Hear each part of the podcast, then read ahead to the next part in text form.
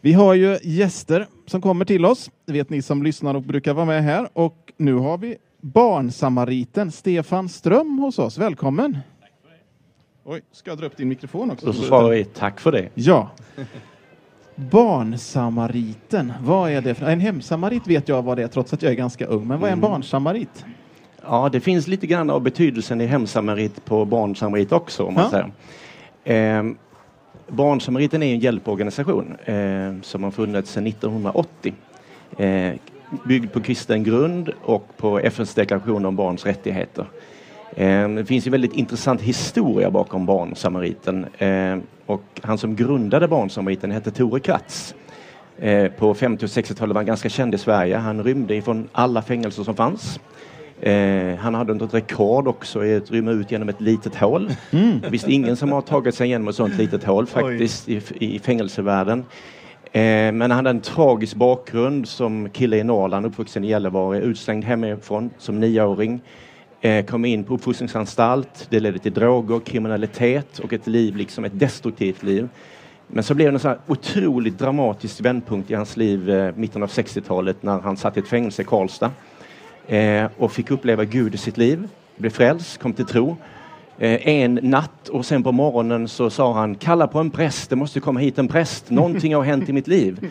Eh, och då kom det dit en eh, pastor ifrån Pingstkyrkan där då och sa att du har fått möta Jesus i ditt liv.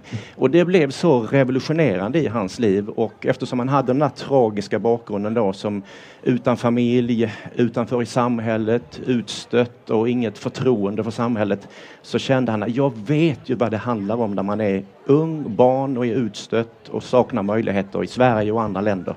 Så det var liksom grundat i en egen upplevelse av Gud och en riktning han fick i sitt liv mot de utstötta, eller för de utstötta, inte mot utan för. Så det är bakgrunden, en väldigt spännande och fascinerande historia om en liten trasig människa som Gud fick tag på i sitt liv. Verkligen. Vilket tecken för de som finns runt omkring också att se en sån människa med den förändringen då. Ja, faktum är att eh, det, det sägs, och jag vet inte riktigt, jag har inte fått det riktigt bekräftat, men i Karlstad så kallades faktiskt dopgraven där för rövargraven. För konsekvensen av hans frälsning Ja. blev det så mycket för medfångar där då, Mm. som också kom till tro. Och när han kom ut sen och, och, och blev benådad, då, för man blev benådad, benådad av kungen på den tiden, eh, då hade det hänt så mycket i hans liv så fängelsedirektören som fanns där kom också till tro. Mm. För så den förvandlingen som var i hans liv då. Mm. Eh, och sen så var det en lokal pastor där som välkomnade honom i sitt hem. Så då, han bodde där i två år. Jag kan tänka dig det. En pastor med tre små barn som välkomnar en av Sveriges mest kända gang, gangster och kriminella. Bodde där i två år och sen så han liksom vistas i den här hemmiljön. Och det var också en stark bidragande anledning till att liksom han kom vidare i tron och, och det blev stabilt. Då. Så det är en superintressant berättelse och bakgrund. Då. Spännande. Och så Ja. sa vi då 1980 så startades Barnsamariten som organisation. Ja, det stämmer. Efter en resa som han och familjen gjorde i Argentina. Eh, och de gjorde en mission, missionärsresa helt enkelt. Då. Då var han i grannlandet Brasilien och då såg han en hel del gatubarn och då, liksom, då tog det tag i hans hjärta. Det här är ju killar och tjejer som jag, med min bakgrund. Och, ja, det drabbade så, honom så hårt så han kände jag har inget val, jag måste bara göra någonting. Och sen så fanns han med lite grann i tv-program då i Sverige, Godmorgon Sverige och så vidare. Och det blev liksom en raketstart där kan man säga. Och sen har det rullat på då. Eh, dessvärre så dog Tore då 97. Eh, men organisationen lever fortfarande och har utvecklats sedan dess. Och vi tycker det är så fascinerande då att han, ja, trots att det var länge sedan han då fick lämna jordelivet så är det fortfarande alltså tusentals barn varje dag då, eller inte varje dag utan varje år, som får en möjlighet till ny start i sitt liv. Och den välsignelsen som det har inneburit, det är liksom ringar på vattnet under många år då. Så det är vi toppenglada för. Och nu då, 25 år efter att han har dött och 42 år ish efter att den här organisationen föddes. Det är ju någon slags medelålders organisation då, om, Ja. vi, om vi mäter i mänskliga år. Precis, Ja, precis. vad, vad händer då, då när man blir medelålders som organisation? Hur ser det ut idag? Ja, men då har man väl också växat och vuxit och, och, och mognat i sitt arbete Mm. då. Eh, oftast är det ju de här entreprenörerna med stora hjärtat som startar igång då. Mm. Sen kommer det in andra krafter som har förmåga att kunna leda in och göra arbetet professionellt och genomtänkt och strukturerat. Mm. Eh, och den, den vägen har ju också vi tagit då. Så att ifrån att kanske bara då först ha jobbat i Sydamerika så har vi tippat över mer i Afrika.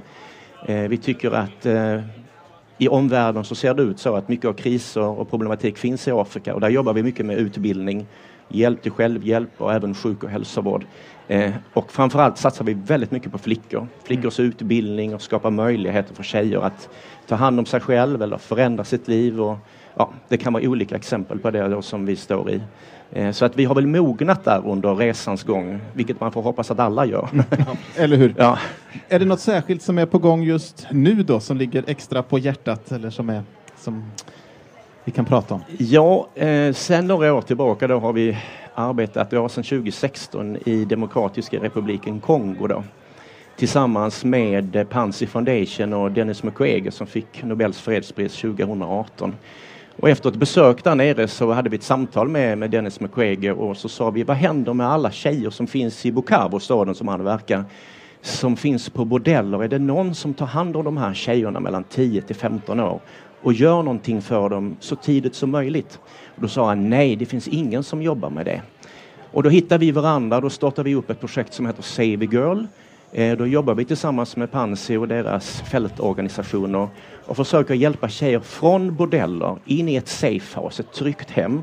Och där får de rehabilitering, de får möjlighet att gå i skola och sen så försöker vi etablera relationer med familjer och anhöriga igen och följa upp dem. Och det är liksom en rehabilitering på ett år, själva kursen. Och sen så vandrar det vidare att man försöker ha en kontinuerlig kontakt med dem så att man inte faller tillbaka då i bordellverksamhet och så vidare.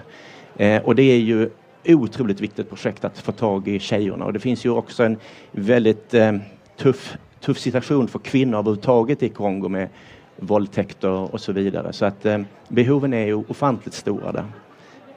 Det kan jag tänka och det, så ser det ut på många platser i världen då att det är behov som är stora och lär ju inte fattas eh, arbetsuppgifter Nej. på ett tag framöver för Nej, en organisation precis. som Barnsamariten? Nej, och jag tycker att det är så härligt att vara här på Nyhem och då möta många andra organisationer. Mm. Alltså behoven är så stora och vi alla behövs mm. i, i den här uppgiften och vi märker och vi träffar varandra här på Nyhemsrådet som olika organisationer. Och, vi har den här riktningen som Joakim Lundqvist pratar om här i sin predikan också, att vi har en riktning och det är nå de som är utsatta och behöver hjälpen och det tror jag vi alla kan skriva under på att vi, vi vill ha den här riktningen i våra mm. liv för de minsta som, som Jesus kallar dem. Då.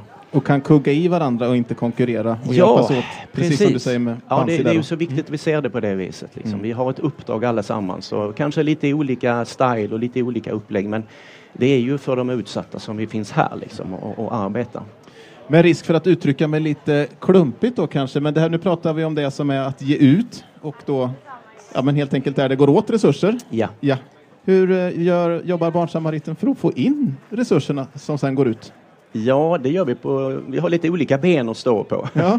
Det viktigaste benet vi står på det är ju enskilda gåvogivare som mm. faddrar eller månadsgivare då. Mm. Och om man räknar i procent så tror jag det är någon 65-70 procent av våra insamlade gåvor som kommer därifrån. Mm. Det betyder ju också att det finns en väldigt stabil ryggrad i, i insamlingsverksamheten. Sen ska det då, då läggas till att vi även har ja, gåvor från second hand-butiker och församlingar och företag och en del fonder och även en testamente som vi får gå ifrån.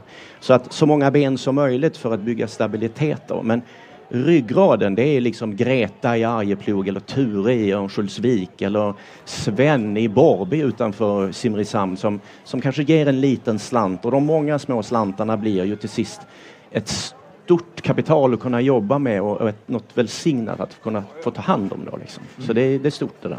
Och hur, eh, hur är svenskens vilja att hjälpa till?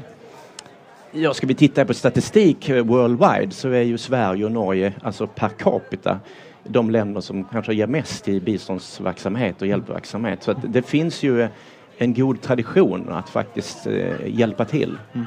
Så det, det, är ju någonting fantastiskt vi kan säga om den svenska befolkningen. Mm. Verkligen. Och hur du reser runt och träffar på i församlingar eller sammanhang och för Barnsamariten då, eller, ute, eller ja, andra som kanske gör det? Ja, jag är som det heter insamlingskoordinator så jag skickar andra. Ja, ja, ja, ja. Men jag har rest mycket tidigare själv i, ja, på många håll i Sverige faktiskt. Då. Och hur är responsen då, när ni kommer ut och berättar?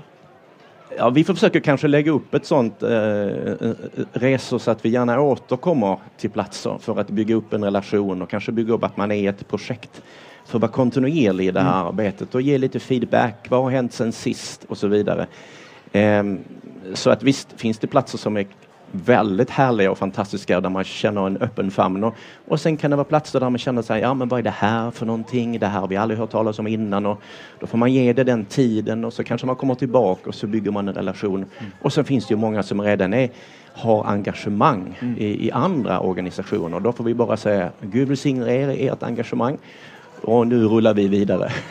För vi har ju många hjärteangelägenheter, så är det ju. Så är det. Vi ska tacka dig Stefan Ström ifrån Barnsamariten för att du tog dig tid att komma till oss den här lördags eftermiddagen och önskar dig lycka till och Guds rika välsignelse i det fortsatta arbetet.